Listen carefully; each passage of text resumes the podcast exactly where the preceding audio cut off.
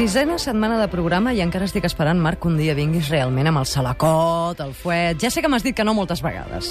Però mira, mira, mira aquí els seients de l'auditori. No despistis. Veuràs que hi ha la meva motxilla i al damunt el meu barret de buscador. és Avui veritat? sí que l'he portat. Però per què no el dus posat?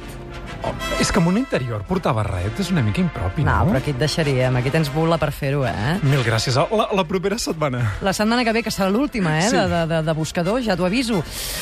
Em deies que m'havies portat un tros de terrissa, no? I aquesta terrissa que tenim aquí, que em penso que les persones que ens escolten també el poden veure fotografiat al Facebook del programa, és una Ara, cosa... ara d'aquí a res penjarem la foto. És, és una cosa especialíssima perquè, tot i diguem la seva, la seva humilitat, la terrissa és un material molt humil, Sí. però té una cosa, eh, diguem que el fa singularíssim, aquest fragment, i és que és un dels fragments de terrissa més antics de Catalunya. Dels més antics. Sí. Això, Això- com ho saps, tu? Uh, uh, perquè tinc amics que són experts en la matèria. Perquè us en feu una idea, eh, perquè ho dic perquè encara no, no l'hem penjat al Facebook, la penjarem d'aquí a poc, i en tot cas, pels que no teniu Facebook, us heu de fer la idea, us heu d'imaginar doncs, un tros de ceràmica d'uns... Eh, quants centímetres deu fer això? Uns, 20 centímetres ben bons. Tranquil·lament, 20 centímetres Sí. i d'ample uns 10 no arriba. Sí, Eh, que això devia formar part de què? Perquè és com arrodonit. és arrodonit i això devia formar part d'un gran recipient, com d'una mena de bol gegantí, eh, panxut, que segurament es feia servir per guardar-hi algun tipus de cereal, O, probablement o blat. líquids, potser, o no? Líquids també. Uh. -huh. uh, pensem que la resolució del fet de contenir coses, de guardar coses, que nosaltres ara ens sembla d'una obvietat extraordinària, històricament havia sigut un problema greu.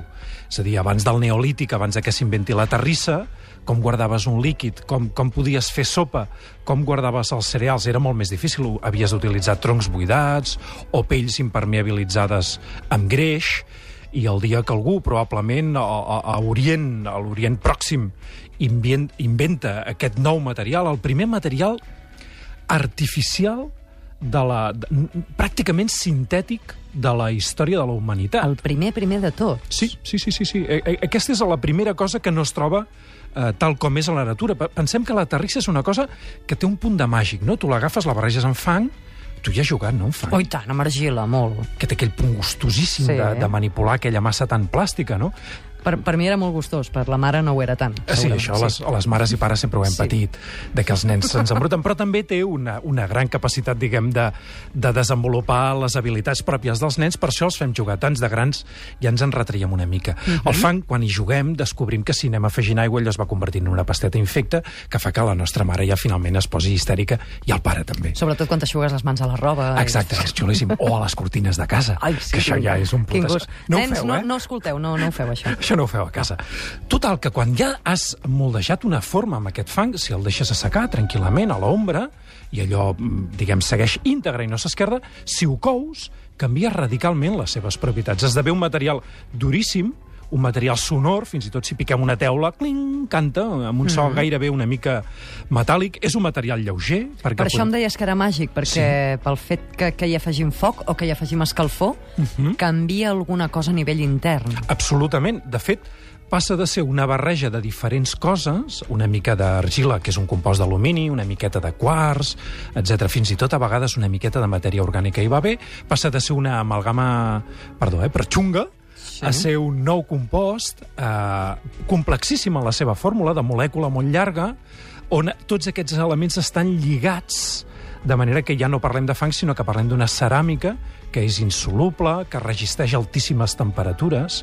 De fet, la terrissa probablement és el primer producte d'una nova tècnica que es va inventar fa milers d'anys, que són les pirotecnologies, aquelles coses que podem fer mitjançant el foc.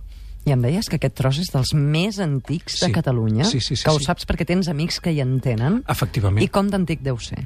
Això té eh, entre 5 i 6.000 anys, potser una miqueta No més. hi érem cap dels aquí presents, eh? No, no. Per altra banda, hagués sigut un pal, haguéssim tingut un xoc Quin cultural terrible. Sí, quin avorriment, tants anys. Uh, sí. Ara, devi... deu ser xulo o, o, o seria guapo poder fer un viatge en el temps i retrocedir a aquella època, no? Imaginem un país radicalment diferent, habitat per molt poques persones, uns pocs milers.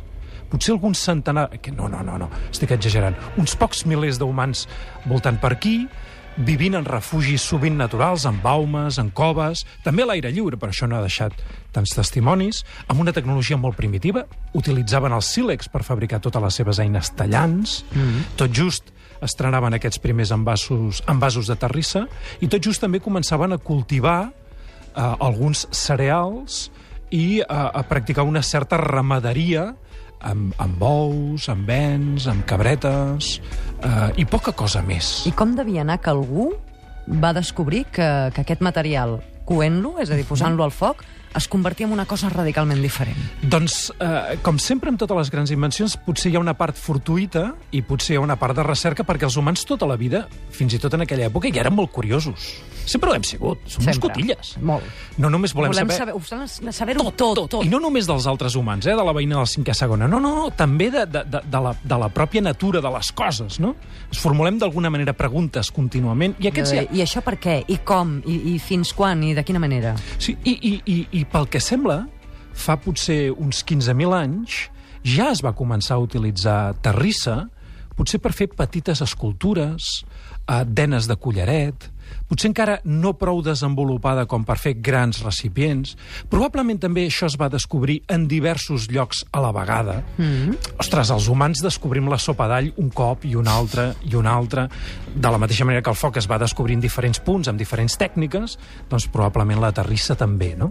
I això va deixar potser una primera herència cultural que amb el pas dels anys es va anar refinant des del punt de vista tecnològic fins a arri arribar a fer eh, recipients contenidors meravellosos que ja en el neolític ja es feien amb decoració, coses molt boniques. Perquè terrissa i ceràmica és el mateix? Són les mateixes coses? Diguem que la ceràmica seria una varietat més pura de la, de la terrissa i la porcellana seria una varietat encara més pura de la ceràmica i fins i tot avui en dia les ceràmiques les hem um, purificat tant que podem anar a una, a una ganiveteria i comprar-nos un ganivet d'aquells de ceràmica, de color blanc, mm -hmm. d'un compost de titani o de circoni, que talla el que no està escrit, allò per fer l'amanida és fantàstic.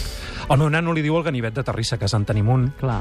eh, que, que, que, vaja, que, que el guardem només per fer aquells talls eh, tan específics de la cuina, no, no, no serveix per qualsevol cosa. I és perquè quan purifiques moltíssim arribes a tenir materials molt durs però també molt fràgils. La ceràmica sempre té aquest punt de fragilitat que també... Per cert, una dada. Es calcula que en un jaciment arqueològic un, una, un, un pot de terrissa podia durar al voltant d'un any i llavors ja es havia trencat i per tant calia fer-ne una substitució. Avui, com cada dimecres, el nom pots dir que no, busquem coses i les trobem.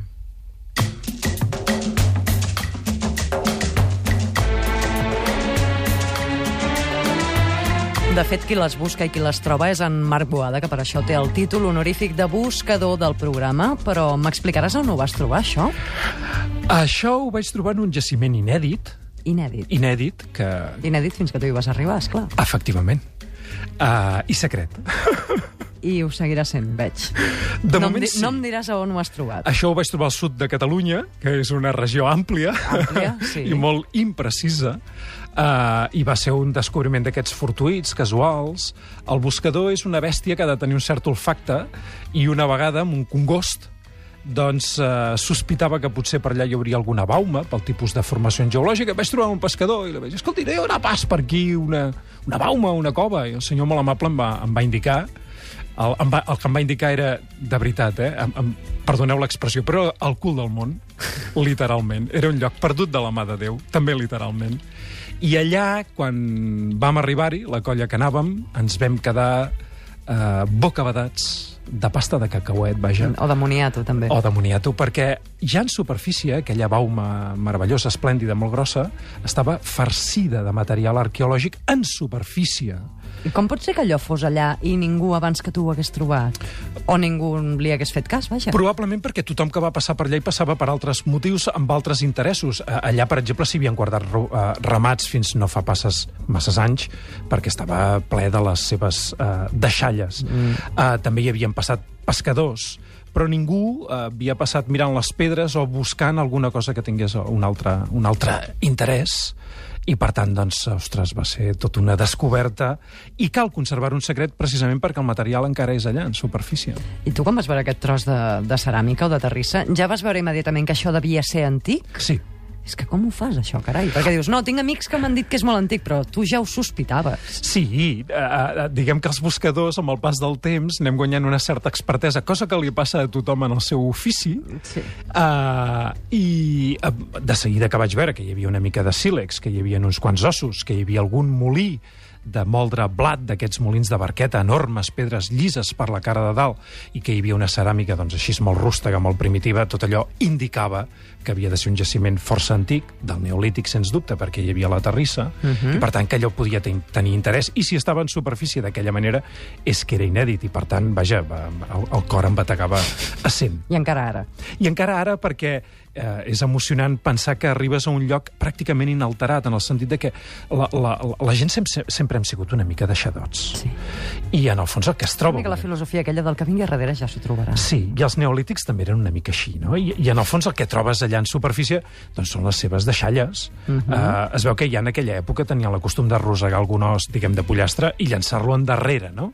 Això es veu que en algunes cultures porta sort, en la majoria és una manera de desfer-se dels residus, i avui en dia els arqueòlegs, és clar, busquen al darrere dels focs perquè saben que hi ha moltes deixalles interessants per la ciència d'avui. És a dir, que et vas trobar aquest jaciment, o no sé si n'hem de dir jaciment ben bé... Sí, sí, sí, inèdit, això és un jaciment inèdit, no excavat... Intacte. Intacte. Tu hi vas tornant periòdicament per veure com està. La veritat és que no. Mm, doncs així no podem saber si ja està intacte o, o algú l'ha tocat. Ah, ah, és possible que hi hagi passat alguna persona. El que sí que em consta és que almenys des del món de la ciència oficial, eh, en el sentit de que jo quan vaig trobar aquest jaciment vaig avisar els arqueòlegs d'un grup de recerca perquè es posessin les piles en aquest sentit, doncs la ciència oficial, que em consti, encara no hi ha fet cap acció, probablement per la seva... Uh, perquè és un lloc molt remot i de difícil accés. I tu vas arribar allà, vas agafar això, no vas tocar res més, vas avisar... Sí, normalment quan trobes un jaciment la part xula també és la de documentació, és a dir, arribes, fotografies, uh, amb el GPS, que avui en dia ja tothom porta en un mòbil intel·ligent, marques en el mapa la localització, documentes alguna cosa, pots, tot i que no és desitjable, agafar alguna mostra. Jo vaig agafar aquesta precisament perquè quan vaig anar a veure a l'especialista no va caldre dir res més. El material va parlar per si mateix. Però és important deixar això tal com ho trobem, perquè en el fons és una mica patrimoni. No una mica, és patrimoni tot. de tots. Avui, per tant, no ens has portat un objecte ni, ni animal ni vegetal. Podem no. dir que és mineral. És mineral, però a més és un objecte humà, és tecnològic, perquè aquest no existeix tal com el tenim aquí a la natura. Molt bé, molt bé, doncs a partir d'ara miraré la terrissa i la ceràmica amb uns altres ulls pensant que és un dels primers invents tecnològics de la, de la humanitat. Ho apreciarem molt més. Escolta'm, et quedes una estoneta, oi? I tant que sí. A parlar de geobiologia. M'interessa molt. Doncs me n'alegro. Et convido a quedar-te. Surta que és estiu i demostra que estàs viu. Aquí és estiu. tu surta que és estiu i demostra que estàs viu. Aquí, Catalunya Ràdio, la ràdio nacional de Catalunya.